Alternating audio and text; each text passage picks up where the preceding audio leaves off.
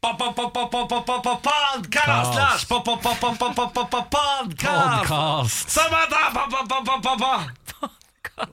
Der er vi! Nå må jeg bare komme med et lite sånn eh, 113-anrop til du som hører på og har lasta ned podkasten. Kan du være så snill å gå inn på Facebook-siden vår, radio1.no, og redde meg fra å måtte tvinges til å synge podkast sammen med Niklas Baarli før hver Skriv inn 'Jeg støtter Lars'. Lars. Vi vil ikke ha synging i Lars. begynnelsen av podkasten. Du vet, Er det én ting folk elsker, så er det at folk må utsettes for noe de ikke liker. Det som er så Ja, gøy, men- er at Lars sånn, øh, med vilje ikke vil si det sånn ordentlig. Han sier sånn podkast ut av Ja. rytme. Jeg har, jeg har lagt merke til at du gir jeg vil si, 3 innsats eh, på podkasten, og, det, og det, skal vi ha et, det skal vi ha en prat om.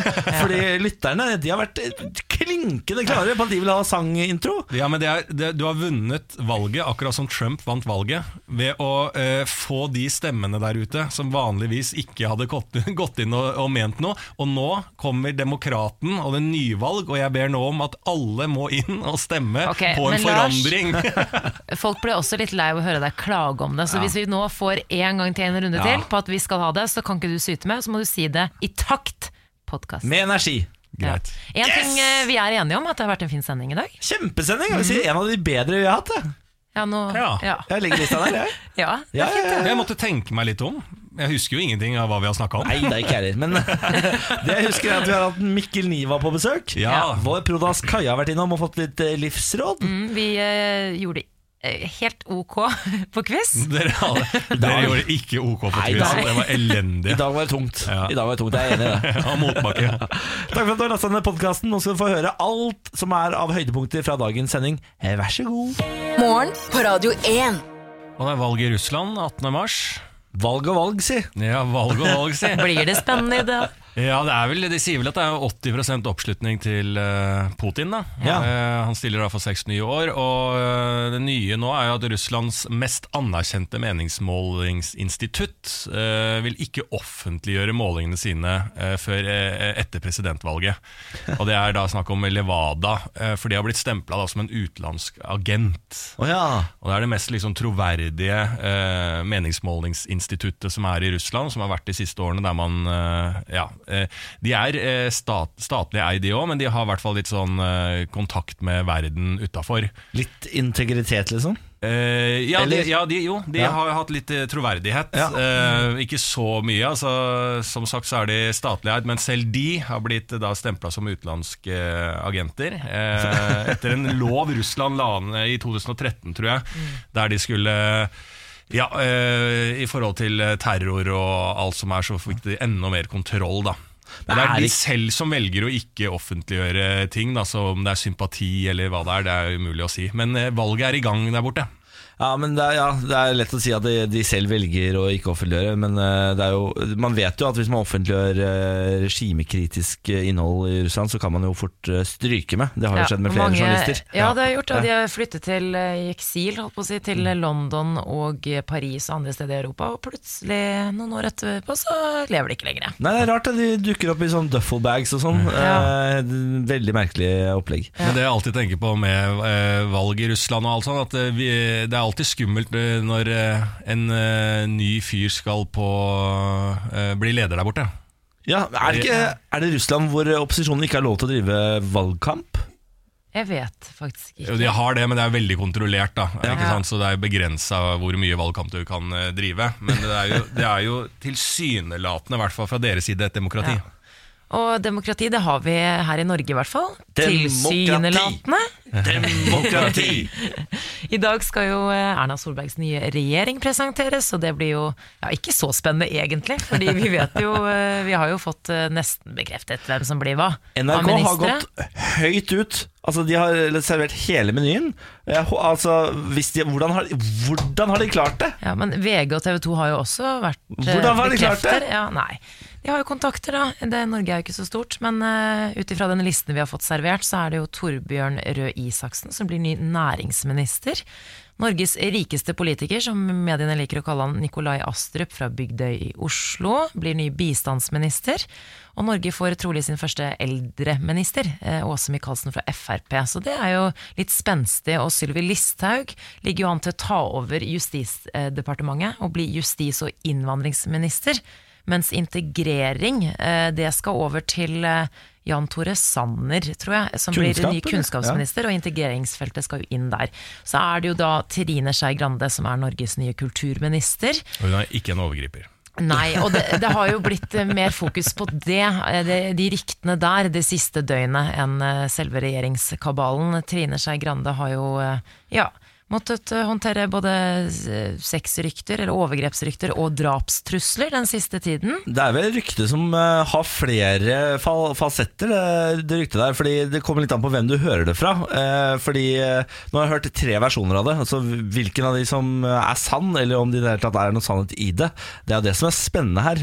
Men Trine Skei Grande har jo lagt litt ved på bålet her nå Ja. ved å uttale seg. For, for, de, for de som ikke har fått det med seg, så handler det jo om ja, hun, har hun har blitt framstilt som en, som en overgriper i forbindelse med en eh, fest, en hendelse i Trøndelag for ti år siden. Og hun har eh, ifølge mediene forklart seg for Erna Solberg, for det må man jo når man skal bli minister.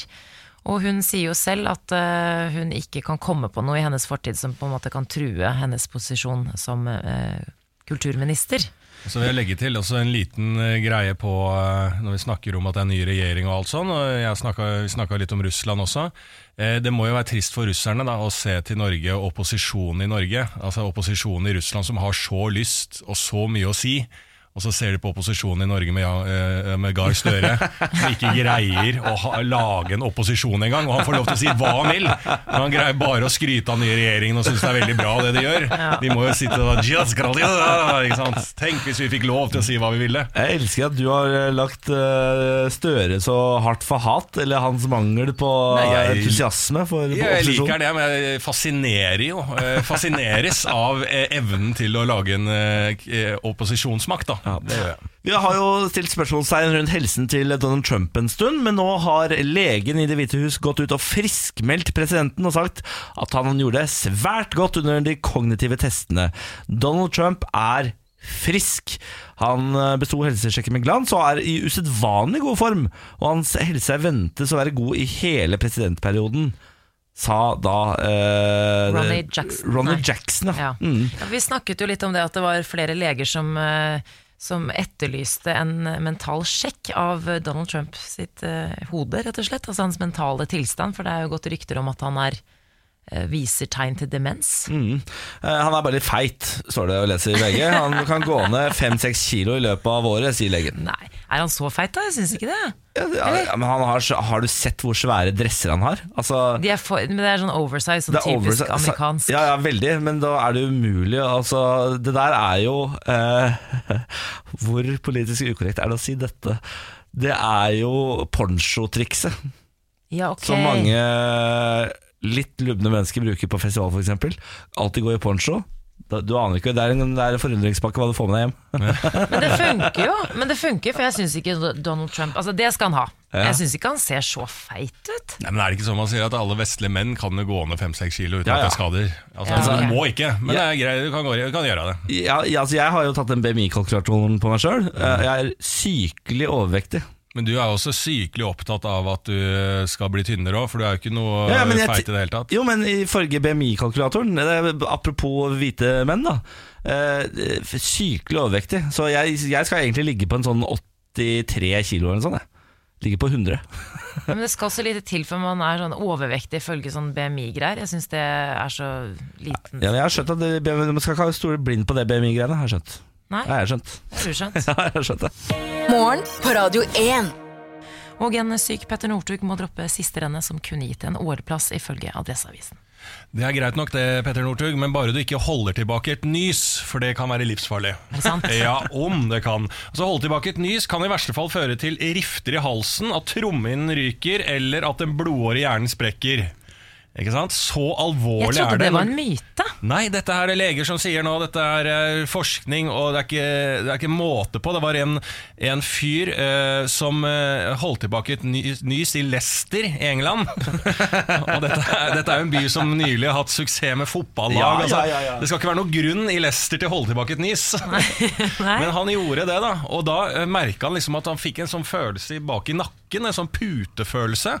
At han fikk nesten sånn der, Oi, det føles som jeg har en sånn nakkepute i, bak i nakken. Ja, For da røk jo hele halsen. Det ble jo rifta opp innvendig. Nei, Lars, da. Jo, jo, Det er for tidlig klokka er sju om morgenen. Helt forferdelig. Åh, det er forferdelig ut. Ja, Men jeg klarer men ikke jeg å holde holdt tilbake et nys. Jeg leste dette her i går, og jeg holdt tilbake et nys for to dager siden. Jeg husker faktisk, jeg gjorde det i butikken, tok et valg, for jeg skulle akkurat betale. så var det lang kø, og jeg pleier å slippe de ut, da, for jeg har en sånn fornemmelse at dette har jeg lest og hørt om før, at det kan være farlig. Ja. Eh, samtidig som at jeg har hørt at du kan dø hvis du nyser, bæsjer og Uh, jeg, uh, og så var det og, samtidig? Ja, gråter samtidig. Så alle de tingene samtidig. Elvis Presley liksom Presley døde sånn. kom- ja, sånn ejakul- Hæ? Er det sant? Han døde jo på do.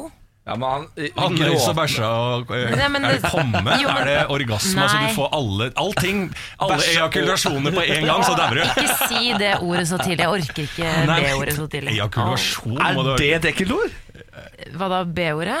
Ejakulasjon? Nei, bæsje. bæsj? Må vi si det så tidlig? Hva syns du det er så ekkelt? Ja, akkurat nå. Ja, det beklager jeg. Jeg er som sagt sykepleier, og nå snakker jeg innen mitt eget felt her. Ja. Og prøver å advare folk, så jeg vet ikke hva annet ord jeg skal si som eh, Avføring. Men jeg har, eh, A, som vi sier på sykehjem, for ikke å si hele ordet. Lite tips til hvis man ikke vil nyse og ikke vil på en måte kvele den. Jeg eh, lærte at hvis du holder Altså hvis du trykker under neglen på lillefingeren, så Ah, det holder ser en nys. forferdelig vondt ut, da. Og, nei, det gjør ikke vondt. Bare trykke litt, så, så trenger du ikke å nyse mer. Og det, det funker hver gang. Se mot lyset. Da nyser du. Da nyser da du. nyser du. Ja. PST etterforsker dataangrep mot Helse Sør-Øst som mulig etterretningsvirksomhet. Eh, Tidligere denne uken så ble det jo kjent at Helse Sør-Øst, eh, samlebegrep av 15 helseforetak i Norge, har jo blitt hacket av profesjonelle datahackere. Og PST holdt jo en pressekonferanse om dette i går. Og det er nå mistanke om at noen til fordel for en fremmed stat samler inn opplysninger. Det er Russland. Ja, Det er Russland. Eh, som kan da skade Ja, ja, nasjonale interesser. Eh, at de har liksom litt i banken, da. Her, eh. og eh, Helse Sør-Øst har jo gått ut og sagt at de har jo ikke full oversikt over alt som har skjedd, men at eh, pasientsikkerheten er eh, fortsatt godt ivaretatt. Jeg skjønner ikke hva de skal med det. Det har alltid tenkt på Ja. sånne, eh, Når et sånn etterretningstjenester skal ha pasientjournaler, så skjønner jeg hvis det er noe spesifikke de er ute etter som de kan skade. Ja. Men da f.eks. å vite at eh, Geir Bjarne fra Jevnaker nøys så han dro på seg en lite rift i halsen. Hva etterretningen skal med det ved en eventuelt invasjon. Da, så Ja. kommer russerne, og så kan de liksom banke på døra mi og si bare sånn Ja jeg har slitt litt med huden i, fjor, i sommeren 2013.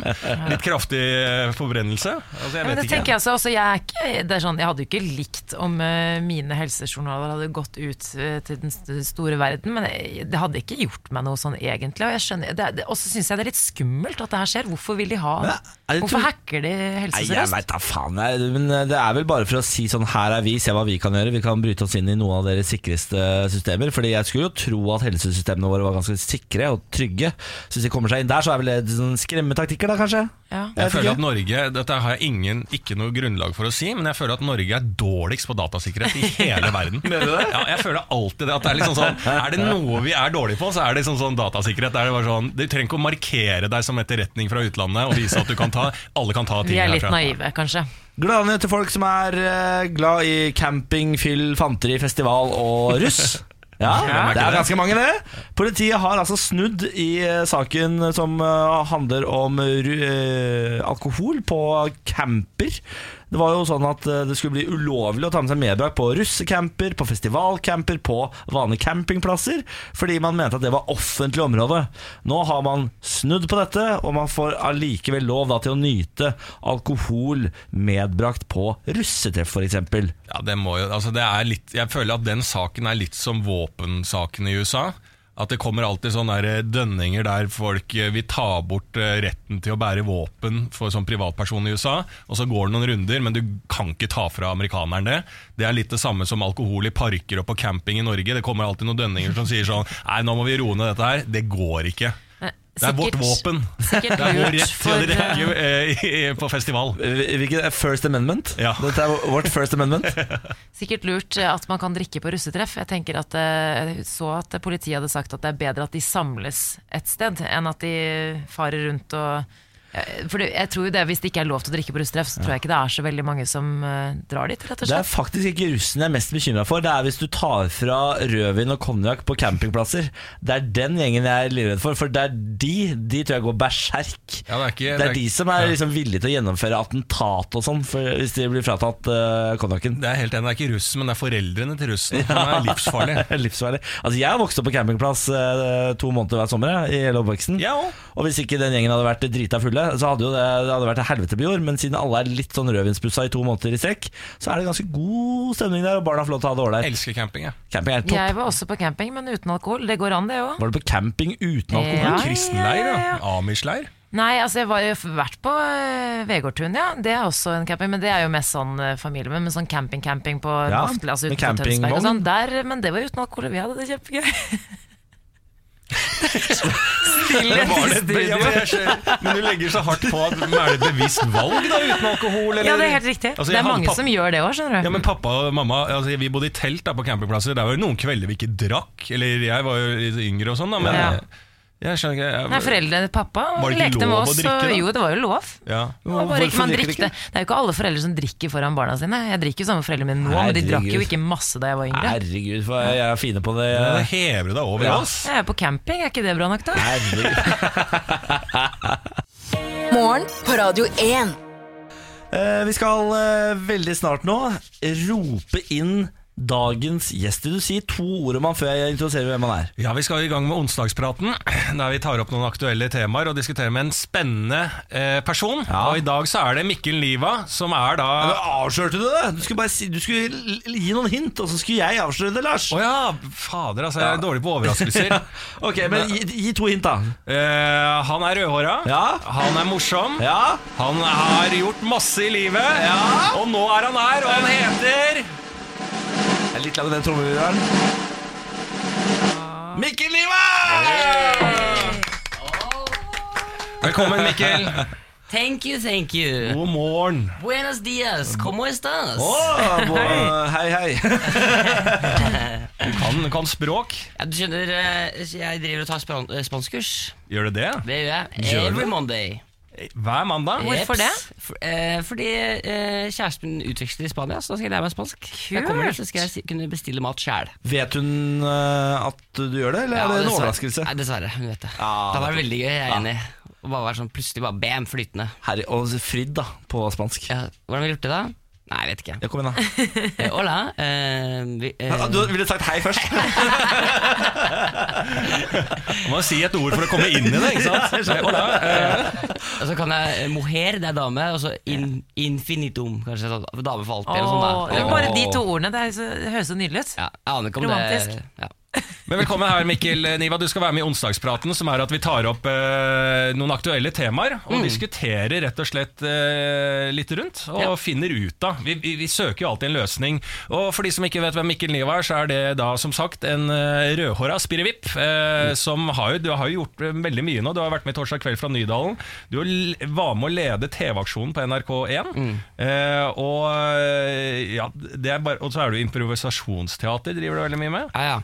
Altså, jeg føler at, jeg, føler at jeg liksom ikke helt har funnet min retning ennå. Jeg gjør alt mulig, jeg. Jeg tror, ikke det er, jeg tror ikke det er lov å si at du ikke har funnet din retning ennå når du leder de største TV-showene på NRK1. Nei, nei, det, Det, det syns jeg, jeg er klysete. nei, det, det var ikke meningen. Det, det er retningen min, da. Jeg vet ikke hva jeg driver med. Altså, jeg bare leder Typisk TV-showene. millennial-svar. Jeg er ikke fornøyd, jeg. Jeg, jeg får ikke til noen ting. Jeg, jeg bare leder hovedprogram på NRK1. Men eh, jeg har lyst til å ta opp en liten sånn første sak, og det er jo gårsdagens, eh, gårsdagens store snakkis og forsidestoff, som er snøkaos. Eh, for det har vært snøkaos, og spesielt her i Oslo. Eh, det kom jo 34 cm med snø her i Oslo. Det var jo eh, ramaskrik. Det var jo, det var jo ragnarok, eh, rett og slett. Eh, mens i, da, i Hordaland og på Oppland så målte man to meter snø. Eh, jeg hører ikke så mye om eh, at det er noe snøkaos der. Det Eh, bor Nei. tre og et halvt menneske på Oppland, eh, i motsetning til Oslo sentrum. nei, det er vel noe, altså må man kjapt nevne at Lillehammer eh, er jo Oppland. De har jo sånn at arrangert OL. De kan jo snø. De Ja, det er vet hva sant. snø handler om. Vi har jo arrangert OL her òg, Hvor da? i Her? Oslo. 52, var Ja, det det det? var lenge siden, ja. Ja, det, det er Da kunne vi snø. ja, da, kunne, da kunne vi stå. Men eh, det var, jo, var det Skien som var jo eh, det, altså, det, var, Satt krisestab. det var jo krisestab, og vi f- kunne følge live barn som ble fulgt hjem fra skole. Altså, det var ikke Ja. må, det var, er det mest Ekstrasendinger og Ja, det er insane. Det var som, det var som en fullstendig kaotisk tilstand, eh, og at eh, folk ble skilt fra foreldrene sine. Ja, men jeg, altså, jeg, jeg elsker da at vi lager en sånn apokalypsefølelse når det kommer litt snø og sånn. Jeg, jeg ser jo mye på Walking Dead og de der greiene der. Jeg, jeg, nå har det vært, Hvert eneste år så er det sånn at man klager på snøen, og det er jo utrolig kjedelig. Liksom. Det er ikke noe nytt. da Så nå er jeg så glad for at noen bare liksom Ok, vi må uppe det, vi må gjøre det mer spennende. Vi må ha livesendinger. Vi må late som at jorda går under. Det er kjempedeilig. Eh, så jeg oppfordrer til flere byer som lukker ned og lager overskrifter. Var du i ferd med å, å rane en butikk? Har du nødlager hjemme? Er Altså, jeg, sånn- tenkte, sånn- ja, det var det jeg tenkte. Sånn, fuck, nå drar vi til Skien, dere. Så bare knuser vi ruten på Elkjøp og stjeler TV-er. Liksom Men jeg føler at folk ler av oss. Jeg føler at Nord-Norge de ler av oss. De syns at vi er Nordlendingene, ja? Jeg føler at de liksom Dette er bare mat for de, for, de, for de som ikke liker østlendinger. De, de ler Ja, er du gæren, men vi kommer til å le når teknologien kommer dit også. Og når ikke de skjønner iPhone og bare 'Hva er dette for noe?' Og så sier vi 'Jeg vet du ikke hva app er?' Eh, så vi kommer til å le i motsatt retning der. Eh, men jeg, jeg tenker også at det er en klisjé som på en måte har blitt en sannhet. Fordi det har alltid vært en sånn klisjé at uh, sørlendinger vi syter av snø og greier ikke det, som er, uh, uh, og at eh, nordlendingene på en måte takler det. Men nå føler jeg at mediene bare sånn det er, Drit i den klisjeen, liksom sånn. Vi kjører på, vi. Ja. Og med disse sendingene og krisemaksimeringene, det er jo masse gratis saker, og folk klikker seg inn. Nordlendingene vil se hvor udugelige vi er. ja, men jeg og tror vi du skjønner, Lars. Bussen min var to minutter forsinka i går. To minutter! Og jeg er såpass krise. Ja, det var såpass. Jo, men det er litt sånn Sjakk for eksempel, da, det var ikke veldig spennende Helt før de begynte liksom å lage TV-sendinger om det Og fortalte oss at det var viktig. Ja. Og det tenker jeg samme med snøkrisa også. Det er ikke viktig før de forteller oss at Fuck, det er jævla viktig liksom. Det er superviktig. Så, um, så nå, er, nå skal jeg følge med på været mye mer fremover. Dette blir mye mer spennende. Nå kommer jeg til liksom Jeg har hørt at de har, eh, til neste snøkall så har de leid inn Fredrik Gressvik med sånn pressevest eh, og hatt som skal stå nede på Oslo S her og rapportere fra bussene. Så det gleder jeg meg veldig til. Ja. Heimevernet er allerede innkalt til eh, når snøen smelter, for det kommer til å bli et nytt kaos. Ja, er du gæren? Hvordan takler Oslo og omegn vann? Oi, shit. Hvem vet? Ja, hvem vet? Vi får vente og se. Morgen på Radio 1. Onsdagspraten. Onsdagspraten. Onsdagspraten. Ja, da er det for tide med onsdagspraten, og da er det jo meg, Lars Berrum, Niklas Baarli og Samantha Skogran som sitter her som alltid. Hei. Men i onsdagspraten så har vi da i dag med oss programleder Mikkel Niva! Mikkel Ivar lager nå et uh, nydelig airhorn. eh, Ja, det er det. for, for egen uh, vinning, holdt jeg på å si. Ja, alltid, alltid drømt om det Alltid drømt om det Onsdagspraten er jo veldig enkelt. Vi tar eh, opp to temaer som er aktuelle, og så prøver vi å finne en løsning og diskutere rundt det. Det er ikke alle ting som er lett å finne en løsning på, men første sak er eh, fra USA, og vi skal til at eh, politiet i USA har siktet et foreldrepar for tortur etter at barna deres ble funnet avmarget og lenket fast i møbler i familiehjemmet i California. 13 søsken har blitt holdt fanga, barna er mellom 2 og 29 år. Og eh, det er vel spekulert litt også antydet at dette er også litt sånn sektbasert, eh, religiøst. Eh, Men det er jo en eh, 2018s fritzelsak, kanskje? Altså, jeg, jeg leste saken og så tenkte jeg sånn Jeg lurer på hva det er som liksom gjør at man bestemmer seg for å låse inne barna sine. Ja, Hva er motivasjonen? Ja, hva er motivasjonen? Og så, og så liksom, prøver jeg å tenke meg selv hva måtte til for at jeg skulle gjøre det. Det måtte være hvis jeg har liksom gjort noe som er så flaut at liksom barna ikke må komme ut og få sagt det til alle andre. Sånn der, at de har Så taushet, liksom? ja, at det er sånn Holde fasaden, liksom. Holde de nede i kjelleren, sånn at de ikke liksom får sagt ifra om at det egentlig så Jeg vet ikke, at sånn, de har noen fetisjer eller et, et eller annet, et eller annet flaut. De krangla, kanskje ikke de liker at naboene hører at de krangla. Eller sånn. De har jo vært øh, lenka ganske lenge. Men det, det, det jeg ikke skjønner i den saken her, kontra Fritzel For Fritzel tok jo liksom barna ned i kjelleren og holdt de der i årevis, sånn at ikke folk visste at han hadde disse barna. Men i denne familien så har de jo vært åpne om at de har tolv barn, og det har vært masse bilder av dem på Facebook, og de har fremstått som en lykkelig familie i sosiale medier. Eh, alle i sånne fucka drakter, selvfølgelig. Men jeg tenker når det er så mange barn eh, Jeg vet at de, det var snakk om noe sånn hjemmes... Eller eh, de hadde noe hjemmeskole, et eller annet sånt noe. Han var vel lærer, han faren. Ja, men hvordan kan man uh, ha 12 eller 13 barn, og så bare at de forsvinner, og at det er ingen som legger merke til at 13 barn bare forsvinner? Det skjønner jeg ikke. Ja, men så tatt ut tidlig fra skolen, og det er vel en del sånne religiøse sekter og sånn. Det så det er kanskje ikke sånn at man snapper det opp på lik linje som eh, eh, her i Norge, en liten bygd, eller eh, at systemet er like godt. Men eh, naboene visste jo ikke at de hadde barn. Nei, og, og, og, jeg lå- så også på, jeg så også på hårsveisene til til disse folka. Far spesielt. Jeg, far spesielt, jeg, jeg hadde nok Jeg må nok ærlig innrømme at jeg hadde nok tenkt at det var noe fishy. Hvis jeg hadde sett han. Hvis du hadde sett han faren løpe rundt der, ja. Ja, jeg hadde nok tenkt sånn Jeg, burde, jeg ville sjekka kjelleren hans. Jeg. Ja, ja, absolutt. Det er jo typisk uh, sjekke kjeller-hårsveis. Litt sånn Prins Valiant, for den referansen. Be besteforeldrene hadde vært på besøk uh, for et år eller to siden og hadde da lagt merke til at barna var avmagra, eller de var litt tynne, men hadde ikke lagt merke til noe mer enn det. Eh, det er jo, han Faren har jo åpen Facebook-profil. Jeg vet at du stalka den i går, Samantha. for Jeg gjorde snaps det. Jeg måtte det. Eh, og hvis du er venn med han faren, da bør det gå av noen bjeller. eh, Ja, altså, har dere heller. sett de bildene av de familiebildene deres? Ja, ja, ja. De er, altså, det er jo noe av Det er sånn eh, Nord-Korea-oppstilling på de barna. De er tynne og rare. Og, eh, og hvis du da er nabo med denne fyren, og du aldri ser barna, verken med eller uten disse draktene, da må du ringe en bjelle. Jeg vil si også bare helt avslutningsvis Så har det jo vært eh, snedig her altså, jo, Faren er jo registrert som rektor ved en skole som heter Sandcastle Day School Som er da leiligheten Eller altså huset Så han har jo lagd en egen skole som han er rektor for Der han har holdt eh, barna fanget Det er en helt forferdelig sak selvfølgelig Og i onsdagspraten umulig å løse Vi må jo bare uh, håpe at det ikke er eh, flere hus og leiligheter rundt i verden der Som eh, inneholder fanget barn Ja, og det er en ting jeg tenker på i forhold til den saken, og det er, liksom det, det er det jeg kanskje synes er litt ekkelt med hodet mitt. Og Det er at det første jeg tenkte da jeg leste den saken, for jeg var i California for to måneder siden, det var at jeg tenkte sånn Oi, du var i California? Jeg var der for to måneder siden. Du er en av de, ja! Jeg var så nærme det stedet. Igjen, du er millennials, du- tenker på Ja. selv Ja, det er ikke bra. Ringte du VG for å få den saken? Jeg vurderte. Vi skal til neste sak i onsdagspraten, og det er jo selvfølgelig Melodi Grand Prix. Nå har det jo eh, blitt eh, annonsert hvem som skal være med i Melodi Grand Prix. Og det er jo blant annet, for ikke å nevne alle, så er det jo Rybak skal være med, et comeback, Stella Mange, Jost, som vant norske finalen Han i fjor. Han ene skal være med. Alexander ene- Wallmann. Å ja, Alexander Wallmann, så Ja, ja, ja. uten Men, DJ-en. men Jovst skal ikke være med. Og Jost med maska skal ikke Maska være med. skal ikke være med. Ah, yes. Ida Maria skal være med. Ida Maria, Ja, ja, ja. Også Og, en haug med folk jeg aldri har hørt om. Ja, for det er jo noen eh, Det er jo en som heter eh, noe så snedig som Vidar Villa. eh, skal jo også være med, og kanskje den mest snakkislåta hittil. snakkislåta Eh, og eh, har vi et lite utdrag fra låta hans, for det handler jo da det er en hyllest til MILFs. Ja, Den heter mor, uh, Mora di, eller moren din. Eh, vi kan jo høre litt av den.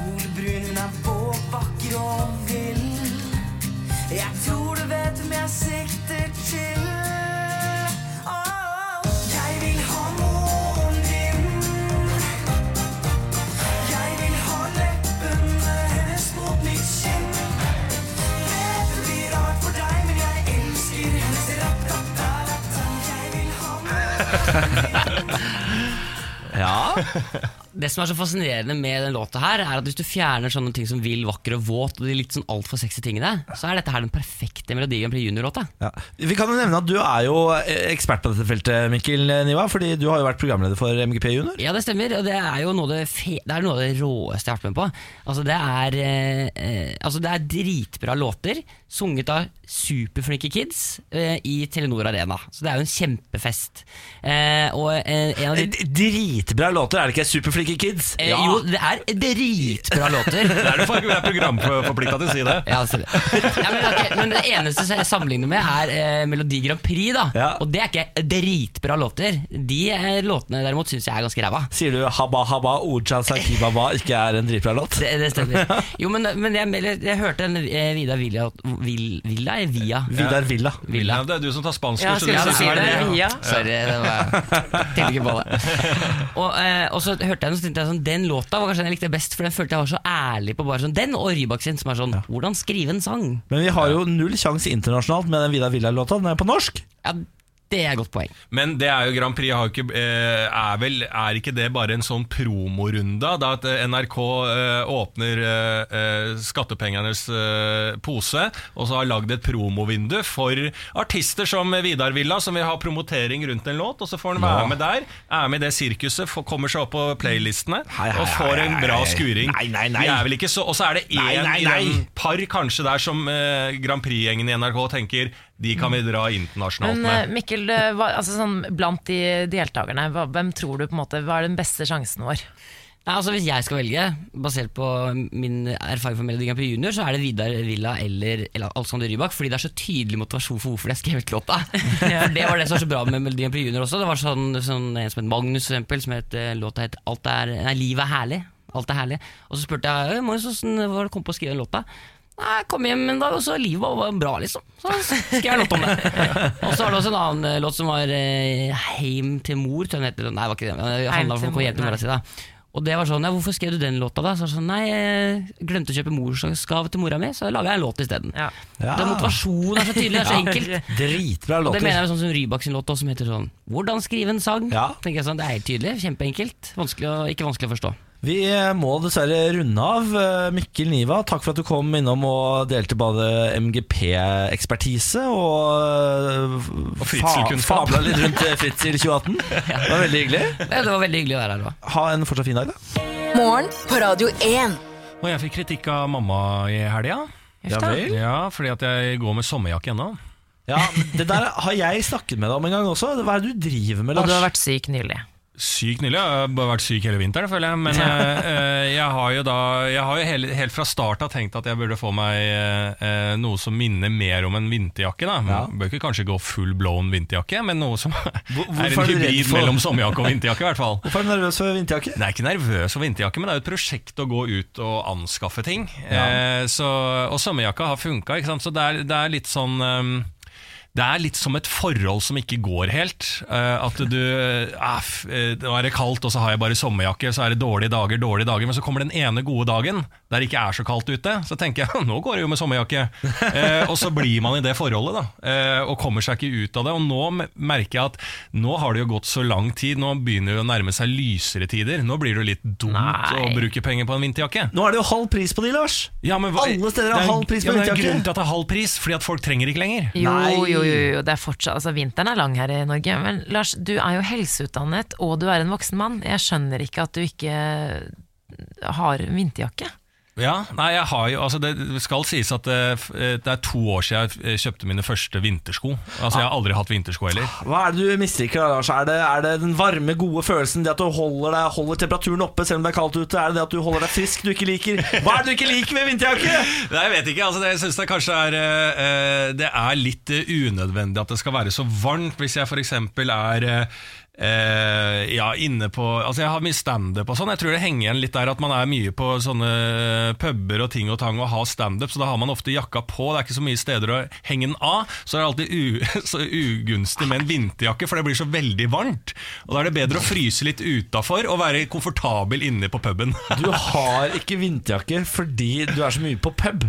Ja, nei, ja, det blir jo, kan jo sies det òg. Men, ikke, ikke sånn, eh, men det er litt pga. jobb, da. Ja. Jeg synes det er så rart, fordi Lars er jo sånn opptatt også av bakterier og Ja. smitte, og veldig opptatt, og det syns jeg er en fin ting. Eh, opptatt av håndhygiene, og spesielt da på jobb at folk skal være forsiktige med hygienen. Men jakke, det gidder du ikke å ta på deg. Du, altså, det er jo der du blir syk, Lars. Det er jo ikke av bakterier på jobb, det er fordi du ikke har på deg en varm nok jakke. ja, men nå oppsummerer du egentlig hva en sykepleier er.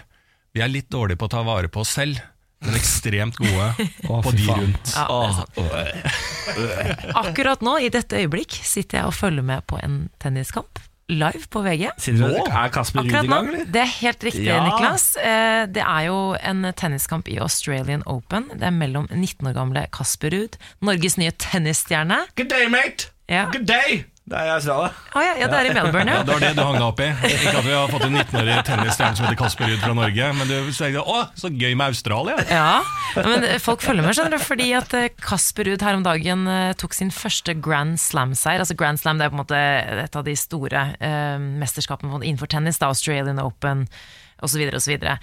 Han tok eh, sin første seier eh, i første runden av Australian Open. er den første nordmannen i en Grand Slam-turnering siden 2001. Det var hans egen far, Christian Ruud, en god tennisspiller. Og nå er han altså i gang med andre runde mot en argentiner. Og eh, det er eh, sånn at når en nordmann er god i noe, og spesielt tennis, en verdensidrett som tennis, da følger man med. Er du gæren? Dette er dritkult. Ja, det er ganske Og det er kult. gøy at han ikke bare er sånn Å, han her kan bli god, men nå leverer han jo. Ja. Eh, Veldig, veldig bra. Veldig Og den kampen han vant i går Nei, eller forrige Ja. års ja, tok jo fire timer. Det var jo, eh, jeg tror det var en sånn kjempelang kamp som aldri slutta. Fire timer og 19 minutter. Å, Ja, og, han var, og han er 19 år og greide å holde huet kaldt og greie å vinne den matchen. Det er jo helt rått. Det er ganske imponerende. Han sa jo også at han begynte å egentlig begynte han å få en sånn krampe i hamstringen, altså i, i leggen. Men så, så måtte han liksom skjule litt for motstanderen, fordi han ville ikke at motstanderen skulle se at han begynte å få kramper og var sliten. For det er litt sånn psykisk overtak. Men så klarte han å vinne. Andre runde i Australian Open, dritkult. Fy fader, altså. Ja. Kasper Ruud. Han fortjener en, noen klapping. Ja. Eh, jeg har jo ødelagt kaffemaskin. I går eh, rasa hjem fra arbeid for å møte teknikeren. Jeg skal få servicetekniker på besøk for å fikse kaffemaskinen. Det er dritbra, tenker jeg. Endelig skal få kaffe igjen om morgenen. Jeg er så sur om morgenen fordi jeg ikke får kaffe. Eh, så kommer han inn, eh, begynner å jobbe på denne kaffemaskinen, og så tar det kanskje tre minutter, for han sier sånn Aner ikke. Har ikke peiling på det der. Har ikke peiling. Har ikke peiling, jeg aner ikke hva det er for noe. Eh, så, ja, ok hva, Han aner ikke hva maskinen er. Nei, Han aner ikke hva som er galt med Å, ja, maskinen. sånn, ja, ja. Han har skrudd opp to ting på maskinen, og så er det sånn Nei, det, hele maskinen må opp. Så da, ok, så, men hva gjør jeg da, da? Nei, da må du kjøre og levere den. Så da må jeg, kjøre, altså, jeg må kjøre kjempelangt utenfor Oslo sentrum. Eh, nå har jeg ikke bil lenger. Eh, og, og jeg har servicetekniker på besøk, og da er mitt spørsmål Er det ikke sånn at servicetekniker Altså Hvis det skal være en fullverdig servicetekniker For det første må være villig til å åpne maskinen hjemme hos deg, eller i hvert fall ta med seg maskinen, og ikke overlate ansvaret til meg for å få Jo, jo. levert kaffemaskinen. Du, Hvorfor kunne ikke tatt med seg den? Ja, Det er, mitt, eh, det er kanskje greit nok at den ikke greier å fikse problemet, men da må han jo ta med seg Å ta med seg Ja. kaffemaskinen er det minste Ja. å forlange fra en servicetekniker. Den er svær, men jeg driver og vaser rundt med Hva er det du har kaffemaskin. hjemme? En svær kaffeautomat hjemme i leiligheten? Ja, en svær kaffemaskin hjemme. Jeg fikk, jeg fikk den av kjæresten i julegave et år. Ja, Yes. ja vi, vi har, vi har Altså, det, er- for oss. Ja, dere er et par altså, Det har jeg sagt til deg tidligere. Dere ja. er så parrete par. Eh, og har da selvfølgelig en svindyr kaffeautomat stående i leiligheten som du får hjemmeservice på. Ja, ja, ja, ja, ja. Men det er ingenting som er mer irriterende enn dårlig service. Ja, men Niklas, altså- jeg forstår det veldig godt. Det er, bare, det er det minste forlangt.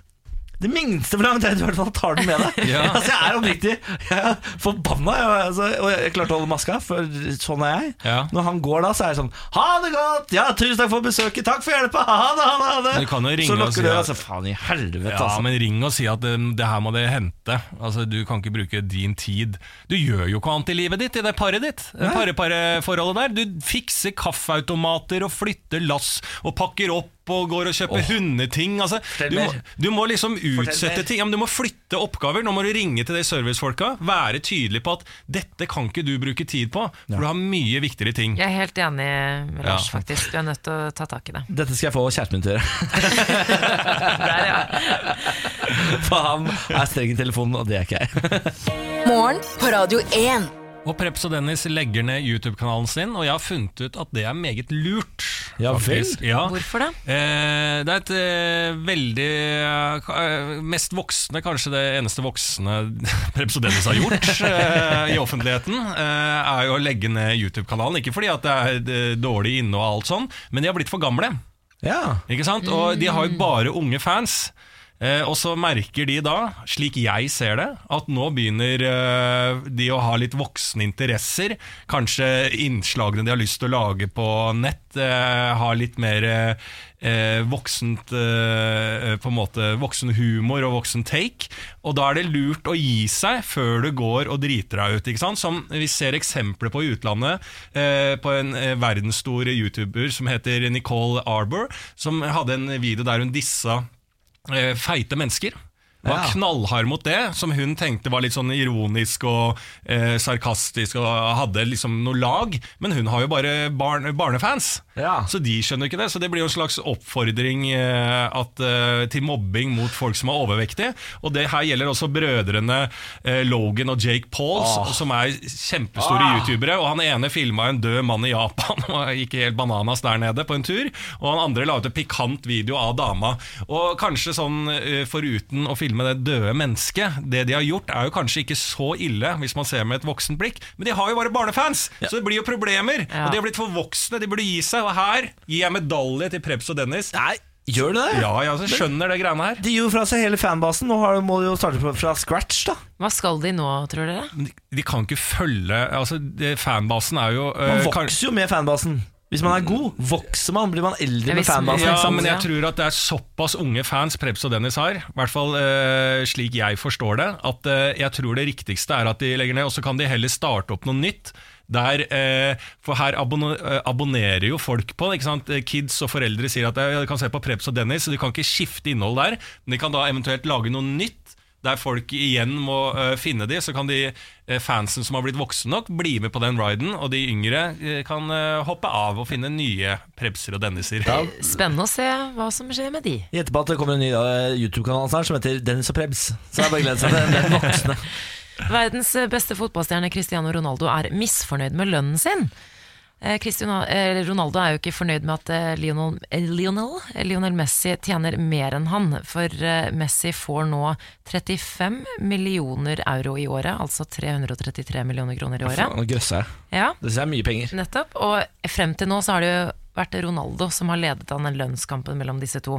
Nå skal han da kreve en ny kontrakt med Real Madrid fordi at han mener at det er disrespect mot Ronaldo. At han tjener mindre enn eh, Messi. Altså det Ronaldo tjener nå er ca. 240 millioner kroner i året. Og det er ikke bra nok. Men det er 100 millioner mindre enn Messi, var det ikke det?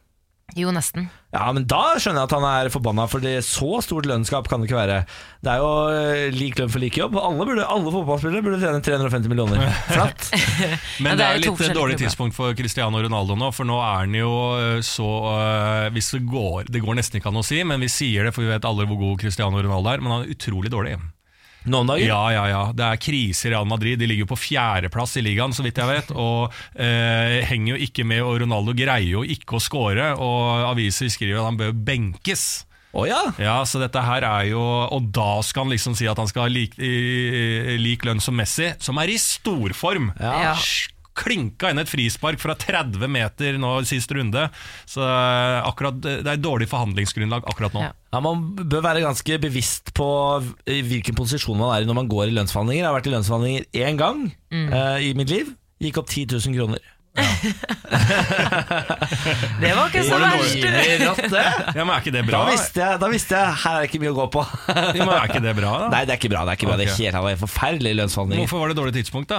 Var jeg rett i en sånn metoo-skandale? Jeg hadde akkurat tatt eh, sjefen på låret på julebordet, og så gikk jeg rett inn og sa nå skal jeg ha mer penger. Ja, det er jo bra å få 10 000 mer da.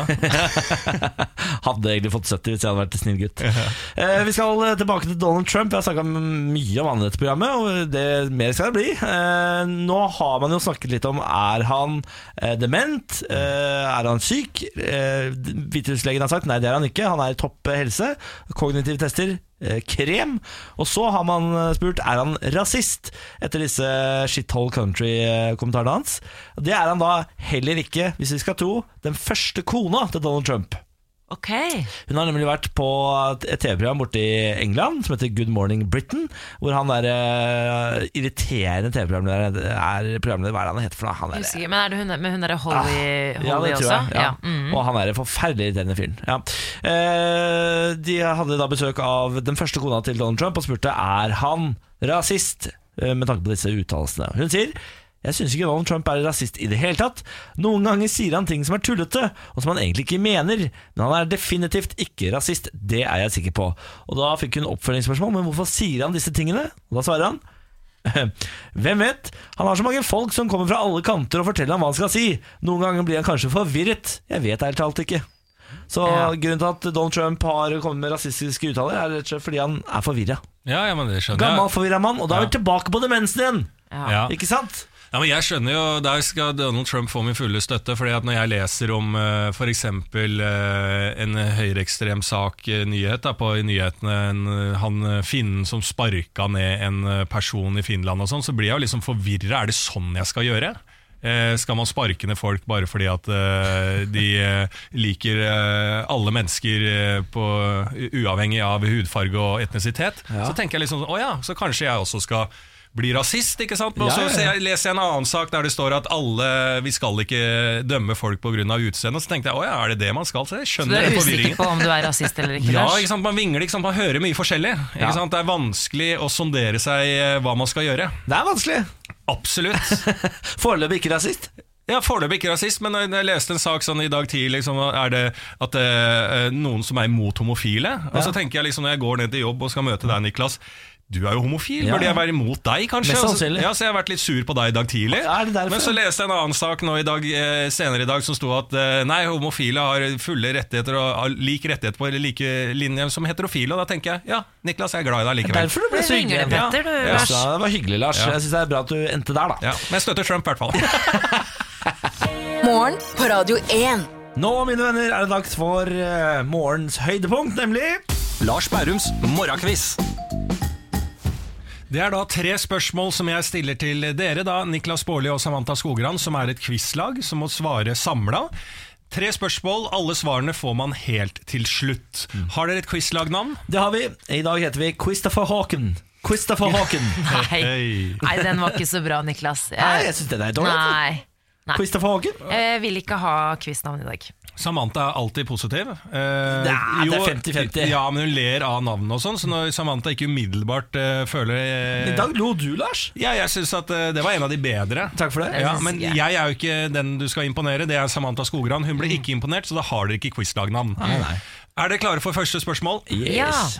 I hvilken by var fjorårets Melodi Grand Prix-finale, altså Eurovision Song Contest-finale? Hvilken by var fjorårets internasjonale Melodi Grand Prix-finale? Niklas, du følger med på sant, gjør du ikke det? Fader, dette vet jeg jo. Var ikke Hvem var det som vant, Wien, da? Ja, var det, ikke det var jo han Conchita Wurst som vant året før. Conchita Wurst. Han, eh, den, eh, Ja, han, hun med skjegget. Hun med skjegget, ja. Mm. ja. Og hun var fra Ja, Var ikke hun fra Østerrike, da? Og så var det ved Wien, tror jeg, som var eh, riktig svar. Ja, for det er jo selvfølgelig fjorårets vinner som var Ja. Og hvem var det som vant? eh? Ja, det var, var det ikke Sverige igjen, da? Nei, Ja. hvem fader var det som vant i år, da? Men. Conchita var fra Østerrike, så skal vi svare Wien, eller? Jeg tror, jeg tror det. Jeg tror vi svarer Wien. jeg. Og Ja. Wurst hjemby. jeg på å si. Wurst? Ja, Da er det endelig svaret avgitt. Ja. Ok, Da er det spørsmål to. Hva heter Lucky Lukes hest? Hva heter Lucky Luke sin nydelige hest? Jeg eh, ha- har ikke peiling. Ikke jeg heller, men skal vi, da må vi bare finne på noe. Fader, men dette her er sånn, Lucky det er sånn Luke. Alle kan det her. Det er et sånn klassisk quiz-spørsmål. Det er en barnequiz-spørsmål. Ja, Nå er det mange der ute som tenker bare Hæ, husker dere ikke det? Kom igjen, dere greier det. Da må du begynne å resonnere. Er det sånn Lucky eller noe sånt? sånn Ja, men jeg, altså, jeg har null referanser også. Gally, Gallup. Black Beauty. Eh, jeg vet ikke. Hva, hva? Lucky Luke. Floppy. Å nei, Lightning eller sånn? Kan det være det? Lightning? Lightning. Oh. Det er ikke så gærent, det. Han Nei, er det raskere enn lynet og sånn. Garantert ikke Lightning. Det men er vi to tar navn. Lightning. Det er to navn. Ok, to navn. Og Lightning jenta di, eller? Nei. Nei, oi, ok, nå fikk altså, vi det, er ikke sånn, helt da. det er sånn eh, smiley face, eh, smi, smi, smiley eh, Men. Smiley er litt sånn i forbindelse med fornavnet, så kunne det er i hvert fall noe som Happy. ja, er inne på noe der, ja, i fornavnet. Happy Happy go lucky. Nei, happy Det er, det er ikke happy, men det er, du er inne på noe. Ja, Det er jeg vet liksom det. Jeg sånn, tenkte så- bare på ja. en synonym. happy. Og synonymet happy. Hva er synonymet til happy, da? Smile. Smile? Sm- Smiley. Smiley Nei, er, Få et svar her nå. ja. Smiley horse. Smiley horse, selvfølgelig. Og det har du trua på, Niklas Baarli? Veldig. Ja. Det var da endelig svar eh, på det spørsmålet. Spørsmål nummer tre. Hva slags dyr er avbildet i Porsche-logoen? Hva slags dyr er avbildet i Porsche-logoen? En hest? Porsche. Ja. Nei.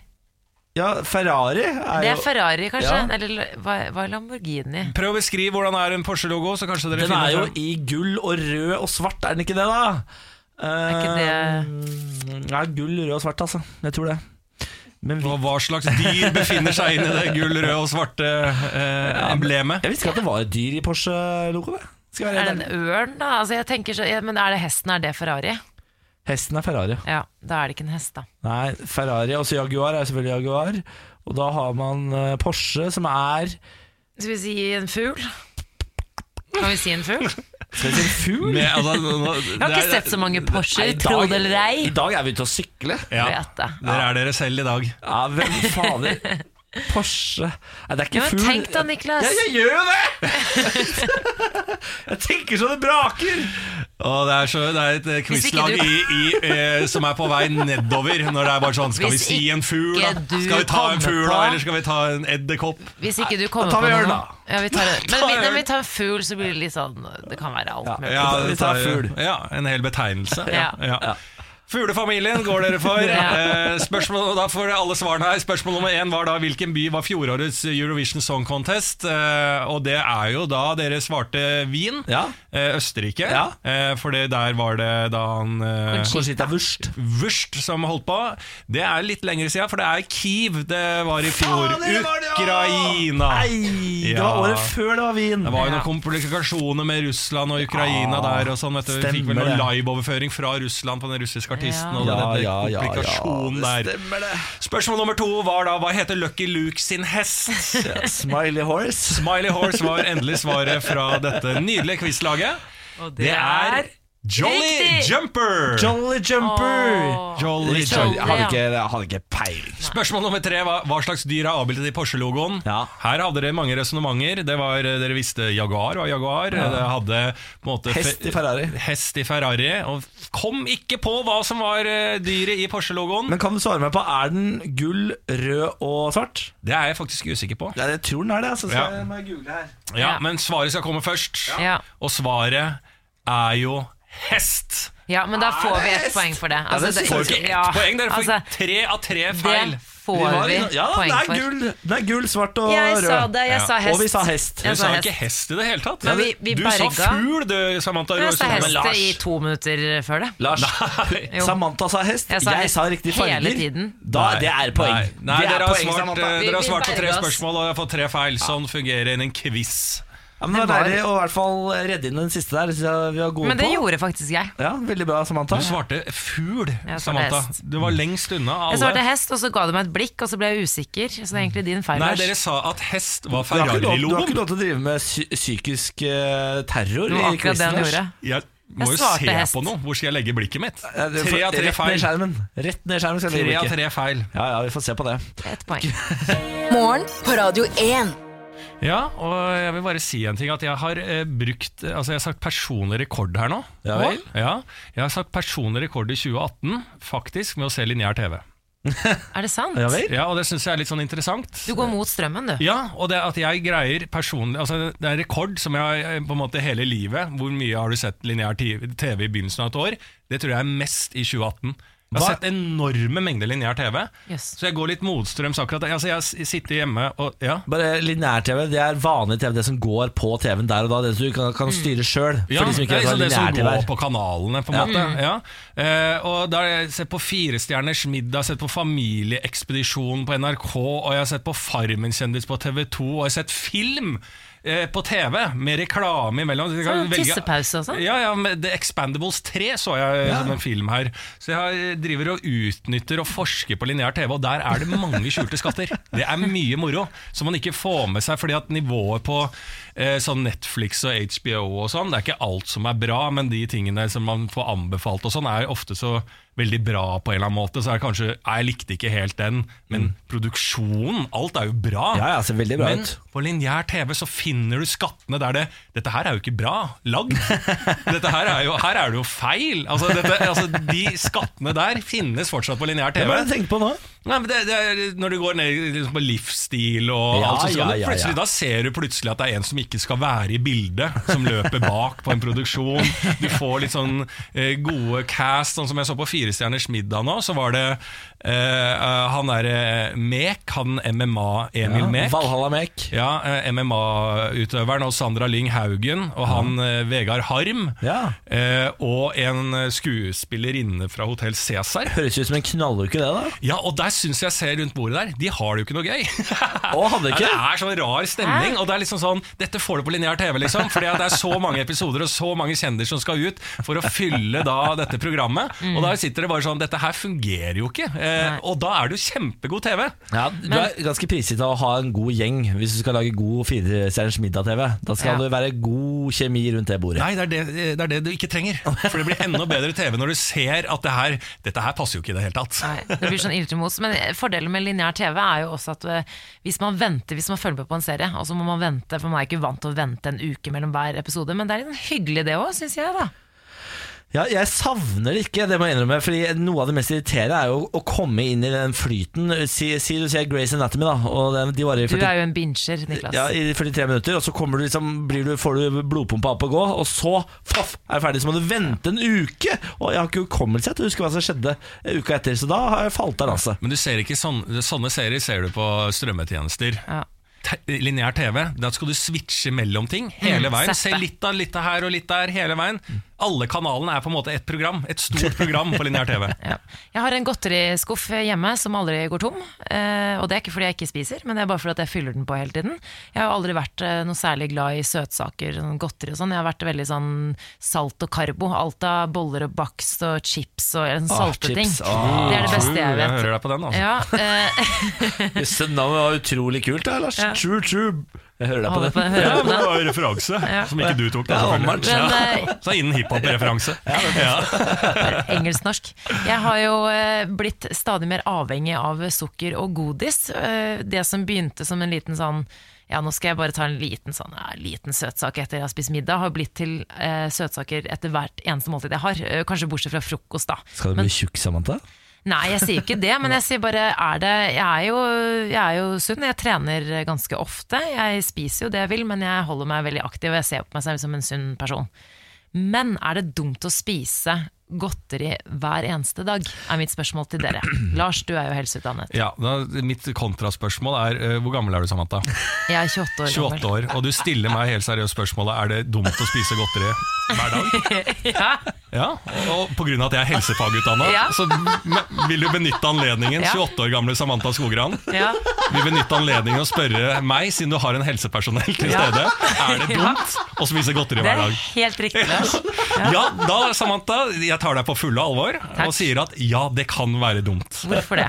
Nei, fordi godteri er jo en us et usunt produkt, på en måte. Som eh, Hvis du legger deg til vaner med å spise det hver dag, Ja. så er jo ikke det helsemessig eh, lurt, på en måte. På samme, samme måte som andre på en måte usunne produkter. Så du kan jo flytte det til å, å eh, ha det i helgene, kanskje. Ja. Eh, og kanskje på onsdager. Eh, og prøve å begrense da, sånn at okay. det ikke glir ut. Det er onsdag i dag. Jeg starter med i dag. Eh, tar en liten og så venter jeg til helgen igjen. Takk, Lars. Hvor mye har du i den skuffen, egentlig? Nei, Altså, nå har jeg en stor eh, megapack med sånn godteri, bl- eh, godt og blandet, og så har jeg fruktnøtt. En stor plate med fruktnøtt. Altså, godt og blandet. Åh, hallo!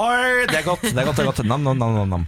Jeg har eh, vært på eh, hundebutikken, dyrebutikken i går. Svidd av 1000 kroner på utstyr til bikkja Bjarne. Studiohunden vår Bjarne. Vi har en hund her i studio som tasser rundt her, som er min sønn. Fem år gammel. Golden Doodle. Eh, I går så hørte vi at eh, hans tassing, når han går rundt på parketten her, så hører man det ut på radio. Og jeg tenkte dette har jeg løsning på. Jeg går og kjøper hundesko til Bjarne. Går inn og kjøper hundesko, eh, kommer tilbake hit, innser at jeg har kjøpt leggvarmere. For det fins. Ja. Eh, og jeg har kjøpt hundesko. Jeg tenkte jeg skulle kjøpe to par sko når første gang. Eh, de var for små. Så i dag, eh, siden jeg ikke rakk å bytte de, har jeg kommet på en eh, skikkelig MacGyver-løsning. Jeg har tatt vanlige tennissokker rundt labbene på bikkja, Menneskesokker. menneskesokker, ja, og gaffa de fast. Og det ser, altså det ser så dumt eh, Hunden din, Bjarne, Ja. studiohunden vår, ser jo litt dum ut i utgangspunktet. Ja. Veldig søt, men litt sånn dum. Veldig pen. Ja, Eh, ja, ja men absolutt. Ja. Men den ser jo ikke mindre dum ut med menneskesokker som henger og dingler. Og dette kan du se på vår Instagram, Ja, du må gå inn og se. radio1.no. Gå inn og se på eh, storyen vår der. Der er det et bilde av Bjarne, og da ser du hvor dum den ser ut. Men jeg støtter deg, Niklas. Eh, hvem skulle trodd at du kunne kjøpe leggvarmere til en hund? Nei, altså, men det så så ut som sokk, eller sko. Ja, ja, jeg- jeg- Og det lå i samme sånn skål. Sånn hundesko, sto det. Og så tar jeg, tar jeg de bare med til, eh, til kassen og kjøper, og kommer hit, og så er det faen meg leggvarmere.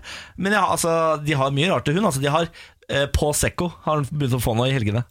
Hva sa du? Prosecco. Nei, så altså. Prosecco. På Secco. Hunde, hundeprosecco. Og så får han hundepizza, som er forma som en pizza. Og så har jeg kjøpt solbriller til han til 600 kroner. Lars, vet du på. om noen som er mer sånn etablert sånn familiemann enn Niklas? Niklas, jeg ser for meg deg og kjæresten din og eh, lille Bjarne Ja. på sånn familiekveld på fredager. Vi er ganske cute. Ja. Vi er ganske cute. Og irriterende. For alle andre. Absolutt. Morgen på Radio 1. Dette radioprogrammet består jo av Lars Berrum, Samantha Skogran og meg, Niklas Baarli. Men det mange kanskje ikke tenker på, er at bak eh, denne veldig lekre fasaden, så er det også andre mennesker som sørger for at ting går på skinner. Uten de så hadde jo tross alt ikke dette radioprogrammet eksistert. En av de heter Kaja. Åssen går det, Kaja? Åssen går det, Kaja? Kaja, åssen går det? Og Innimellom så liker vi å sjekke innom og finne ut av hvordan det går med deg, Kaja. Ja, hallo. Hallo! Eh, forrige gang vi hadde denne lille touch-in, så hjalp vi deg med datingappen Happened. Yes, det Eh. gjorde du. Jeg har jo eh, Ja, du skifta teksten til å bli 'Jeg er en ung, skitten pike som leter etter gøy før det blir fast fest i kjøttdisken'. Ja, fordi du hadde vært på både Tinder og Happen lenge uten at det liksom det Skjedde smalt ordentlig. Ja. Så da endret jeg det til den teksten. Hvordan har det gått? Du vet hva? Jeg har hatt litt vondt i magen i starten, men når jeg sjekka appen, så har jeg fått ganske mye respons. Yes. Ja, jeg, jeg, Jeg har fått unikhetspoeng fra Sveinung. Jeg har fått, En har kalt meg gangster og elsker attituden. Ja. ja, ja. Altså, ja, Det er liksom en del respons og kommentarer på akkurat det der. Altså, uh, over all forventning. ja men altså, det, det vil jeg si er akkurat på merket. Akkurat på forventningen, i hvert fall fra Ja. min side. Dette her kan jeg, Kaja. Ja, det skjønner jeg nå. Jeg skal ta, ta råd fra deg fra nå av. Men uh, møtt noen, da? Nei, fordi jeg har vært litt opptatt med selvstudie, så jeg har ikke hatt tid til å gå på date. Nei. Jeg har um, Ja, jeg fikk en Facebook-video opp sist uke på Facebook, og det var fra Soulspring, har dere hørt om det? Er det Märtha Ja. Louise? Det er Märtha Louise Det er det. og Elisabeth. det Elisabeth. ja. Og de snakket om Så du eh, ble fanga opp av algoritmene til uh, Engel, er det Engleskolen, eller er det det der? Ja, eh, ja, kan kalle det Ja, eh, det kan jo være de har sendt det direkte til meg, fordi jeg, ja, jeg vet ikke. Men jeg fikk i hvert fall denne opp, og det traff meg. Er det sant? Jeg er litt fan av Engleskolen. De snakket om å være en høysensitiv person som eh, Altså, de snakket om De hadde en sånn metafor om at du var en eh, mobil eller data som på en måte har nervene sine utenpå, har masse apper oppe, og at du bare laster inn informasjon. Nei, nå må vi ta det seriøst. Ja, Det beklager. hva har. Ja, jeg tar det. Du har masse apper oppe, det er det jeg falt av. Nei, men du Dette er føler at du er høysensitiv, da? Ja, Samantha, kjenner du deg igjen i det? Ja, altså Det å være høysensitiv Det har jeg drevet og sjekket ut litt selv, for jeg har en sånn mistanke om Men jeg, jeg visste ikke at det knyttes mot eh, engleskolen og disse type tingene. Men jeg har googlet det. Hva er høysensitiv? Ja, eh, det er da at du tar inn veldig mye informasjon fra alle. Så mm, for eksempel tar inn informasjon fra uh, kontorhunden Bjarne, og fra dere, at jeg kan kjenne på stemningen dere har i dere, og blir påvirket av det selv. Man kan Bærer mye. Hæ? Og bærer Ja, mye bærer andre. mye, Og litt ja. unik. Altså, jeg tror ikke jeg Litt har én venninne som ikke er, føler seg høysensitiv. Nei, men det er veldig sant. Alle, og det, dette, jeg liker ikke å skille mellom mann og kvinne, egentlig, men alle øh, venninnene mine av mm. kvinnelige kjønn De eh, opplever da å se på seg selv som faktisk høysensitive. Ja. Som er, jeg mener er en litt sånn delvis narsissistisk egenskap. Jeg, da. Eh, fordi at man er litt unik da, i forhold til alle andre og bærer så mye mer enn alle andre. Ja, det stemmer jo her i studio, da, hvis det er meg og Samantha. Sånn. Ja, men er det, altså, det å være høysensitiv og kjenne på andres, eh, er ikke det bare å være litt var? Altså, du er bare litt sånn, du er litt skjør. Jo, jeg er litt usikker på det, men det er derfor jeg lurer på, Kaja. For det har vært mye snakk om det engleskolen og det her med å være høysensitiv. Altså, Hva var det som traff deg? Eh, Ja. Hva er det du har på en måte har lært? Ja, nei, altså Engleskolen tror jeg er bygd opp rundt at Märtha Louise og Elisabeth er høysensitive, og at de derfor har fått svar fra englene Jeg vet ikke. Ja, for- er. Såpass høysensitiv. Ja, ja, har du såpass mange apper oppe at, du er, at det er englekontakt? Nei. Nei. Nei, det tro, uh, ikke så, men, men jeg syns bare det så ut som de hadde det så fint. Det traff meg litt. Ja. At de på en måte bare De satt og smilte og snakket rolig og hadde sånn levende lys bak der. De var så søte. Men, Du var kan jeg, venner. s- kan jeg spørre, er, er du på en måte Jeg ser jo litt på deg nå, reaksjonen din. Er du litt, sånn litt flau over det? Jeg skjønner jo at Ja, nei, jeg er ikke flau, men, men jeg hadde ikke Jeg vet ikke helt. Kanskje litt. Ja. Ja. Men hva skal du gjøre videre med dette her? Da? Det er jo en eh, åpenbaring å finne ut av dette, sikkert. Ja. Ikke vet jeg. Men uh, De har jo sånn Altså Jeg har sett litt på hvilke kurs de har, bare for sånn teste det ut. Kanskje tenk, tenke litt på om sånn Skulle det vært en ting man gjør i vårsemesteret. Uh, så de har et introduksjonskurs på uh, nettsiden som koster 1500 kroner. Skal sjekke litt ut om det er verdt det. Men jeg ble litt skuffa da jeg så at de bare hadde 19 videoer, så det ble tilsendt. Ja, Men eh, vet du hva, Kaja? Forrige gang vi sjekka innom deg, så gikk det litt trått på datingsida. Det har du erstatta nå med engler eh, Og og, høysensitivitet. Eh, vi ønsker deg lykke til på studiene. Takk. Og så skal vi sjekke inn med deg neste uke også, hvordan det går eh, i livet til Kaja. Eh, takk for at du fins. Lykke til, Kaja. Morgen på Radio 1. Og Nora Mørk-saken ruller eh, hardt eh, i Medie-Norge akkurat nå. Der Nora Mørk, håndballspiller på kvinnelandslaget, eh, har da hatt eh, en episode har vært ute i media med at hun har hatt eh, nakenbilder på avveie. Blitt mm. hacka av mobilen. Nå er Siste saken er jo at herrelandslaget eh, At to av spillerne på herrelandslaget har fått disse bildene på mobilen. At det har vært litt sånn spredd rundt eh, i garderoben der, da, på en måte. Eh, Nora Mørk har gått ut nå eh, og sagt at eh, hun eh, føler seg svikta av sine egne, eh, og vurderer nå å slutte på landslaget. Ja. Og Myhrvold, eh, kapteinen på Bjarte Myhrvold, ja. ja Mhm, Bjarte Myhrvold, stemmer. eh, kapteinen på herrelandslaget, ga et intervju i går hvert fall, der han sa at eh, det er herrelandslaget selv som eh, eh, sammen ringte Nora Mørk og informerte om at to av spillerne hadde fått tilsendt bilder av henne, Mm. sånn at det var bilder på avveie. Så han forsto ikke helt kritikken, i hvert fall i går. da Men uh, Elden, advokaten i Nora Mørk, er, eh, kritiserer uh, Håndballforbundet. Så det er, det er en veldig sånn uavklart og litt rar situasjon for, for min jeg, egen del. jeg forstår den ikke. Nei, jeg forstår den ikke heller. For jeg, I utgangspunktet så, så er jeg bare sånn full støtte til Nordmørk. Og jeg støtter ikke sånn ja, så de har drevet og spredd det. Det er jo helt jævlig av herrelandslaget å gjøre. Ja. Men så, hvis man skal stole på det Bjarte Myhrvold sier, så sier jo han litt som at fordi Man kan jo ikke hindre at man får tilsendt noe på mobilen. Og så er det to av spillerne som får tilsendt dette, og det er en i miljøet. Så hvis de samla da har ringt eller tatt, eh, og sagt ifra til Nora Mørk eh, Og si at de støtter henne. Ja, og si at vi støtter henne, og at du må bare vite at det er noen bilder på avveie som to av spillerne har fått innsendt, så er jo det riktig gjort av dem. Ja, Det høres jo kjempekult gjort ut, på en måte. Det er Ja, riktig, de, gjør- ja. ja, de har gjort henne en tjeneste, på en måte. Men det, fordi- det, det som er da, er jo at eh, de, her er det, handler det veldig mye om intensjon. Også, sant? At eh, de har jo fått inn, selvfølgelig eh, Mest sannsynlig var intensjonen god med at de, de sa fra til Nora Mørk og Håndballforbundet, og at de ga beskjed om at du, jeg har fått disse bildene her. Det her er jo ikke bra.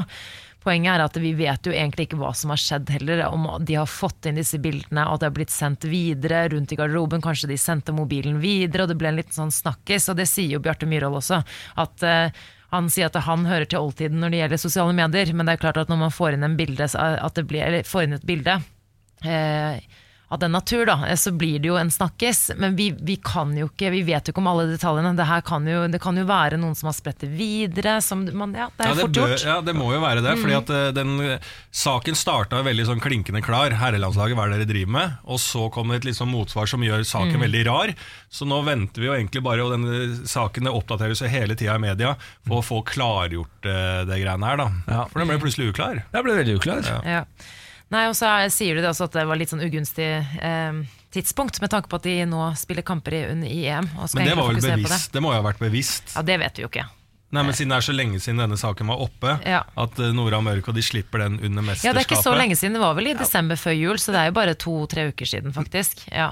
Men Tror tror du du det var 30. oktober eller noe sånt? Var det ikke Ja, det? sånn, ja, men den saken har jo rullet og gått. eh, Ja, det har jo vært en snakkes lenge. Det har det jo. men tror du Nord-Amerika har lyst til å skade herrelandslaget ved å slippe det nå? Det er jo det Ja, men Hvis ikke saken var fra 30. 30. Ja, jeg skjønner tanken, men Nei, hun jeg- fikk et brev som var nå nylig. Det er derfor, okay. av oh, det er derfor. Ja, Ja. jeg støtter eh, liksom sånn, ut, sånn helt blindt, jeg, og av grunn, Nora Mørk. Eh, Men det blir spennende å, følge, å få klargjort det. Da. Det er litt mystifistisk. Åh. Høyre og Erna Solberg har sviktet. Det skriver kommentator i VG Fridtjof Jacobsen. Ifølge artikkelen her hadde jo da Høyre eh, Det gjelder jo da han Christian Tonning Riise, unge Høyre-lederen, som nå har gått av etter eh, anklager om seksuell trakassering.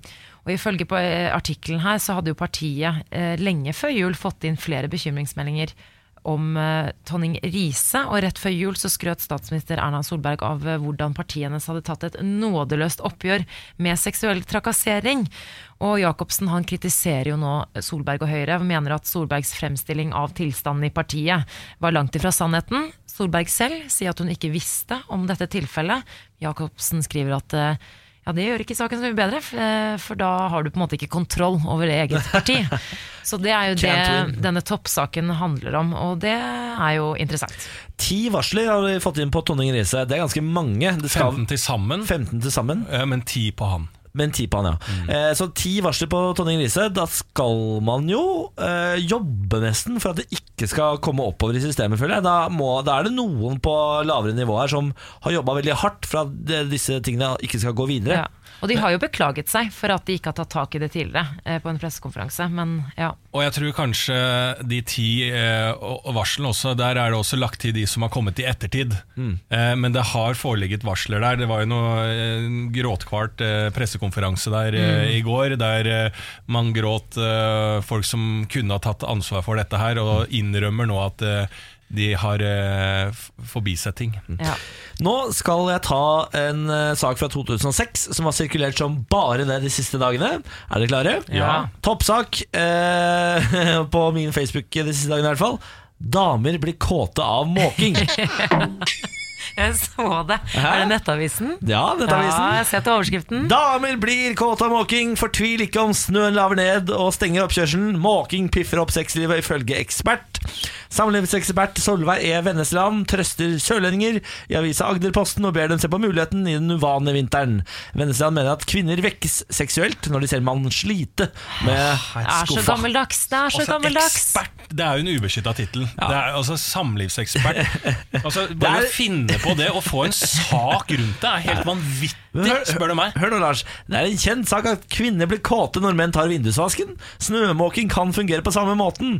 Når mannen får uh, baken ut av godstolen for å måke snø, så ser kanskje kvinnen på ham med noen nye øyne ja, også og tenker det sånn på. 'deg har jeg lyst på i kveld'. Nei, det var sånn clickbait-sak. Bare sette det på spissen og skrive 'kåte'. Altså Det handler i et samliv. Hvis du er et, i et forhold, og, og bidra inn der, så har man det bedre hvis begge parter bidrar inn i husarbeid og hva som helst. Da får Ja. man et bra forhold og har det fint sammen. Det igjen kan ende med at man har sex. Men det er ikke sånn at du umiddelbart du ser mannen din komme hjem fra jobb etter lang dag nattskift, og du, mannen din står og måker, så kommer hjem etter nattskift og bare 'Å, fy faen, nå ble jeg jævla kåt'! Jeg skal bare komme med en liten innrømmelse. Jeg har vært inne på den saken. Helt nederst i saken så er det en uhøytidelig måling for hva leserne mener eh, om denne saken. Ja. Fører snømåking til mer sex, ja eller nei? Herre. Jeg svarte nei, og ja. det 74% svarte faktisk nei. Sier du det? er det Jeg satt i går jeg, og gama mens typen vaska i leiligheten. Det Har aldri vært så godt, jeg. Morgen på Radio 1. Og nå er det på tide at eh, Niklas Baarli blir et bedre menneske. Ja. Vi har en ukentlig spalte som heter Parterapi, som går ut på at jeg har tatt kontakt med kjæresten til Niklas Baarli, som heter Benjamin Baarli. Det gjør han ikke ennå, men eh, etter hvert kanskje. Han er, veldig, han er veldig besatt på at han skal beholde etternavnet sitt Silseth. Ja. Som om det er bedre enn Bårli. Det er 30 stykker i Norge som heter Bårli. Det er mange hundre som heter Silseth. ja.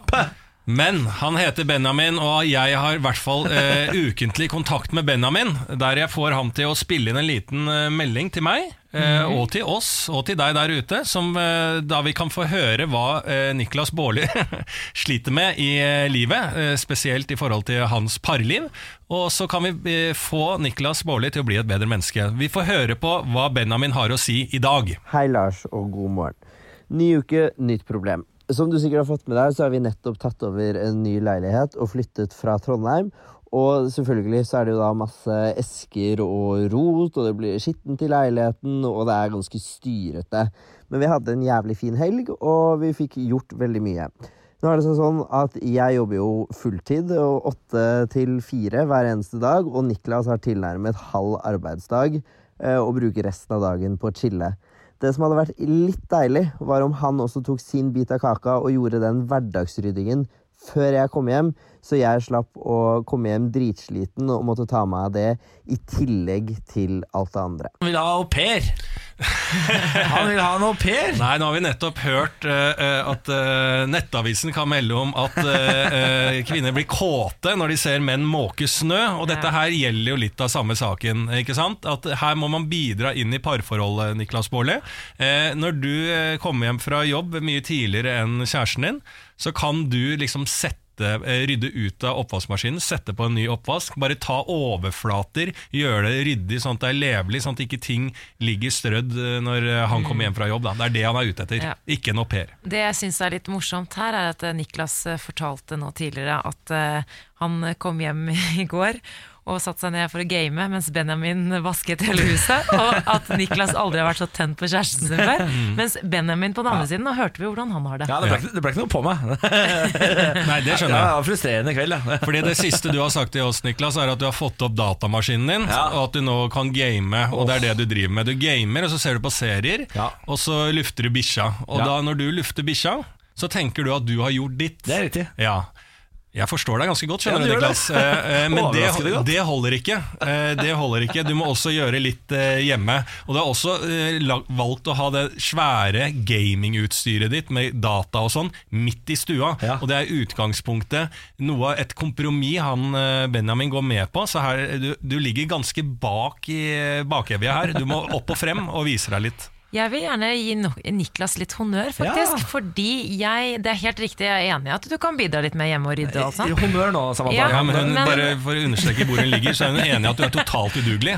Men nå skal du få litt skryt, Niklas. Ja, at det er en ting Benjamin må tenke på, at du faktisk tar med deg Vi har jo en studiohund her som heter Bjarne, Ja, ja. og du tar jo faktisk av han store deler av dagen og passer er på at han har det fint. Da vil jeg bare legge inn en ting.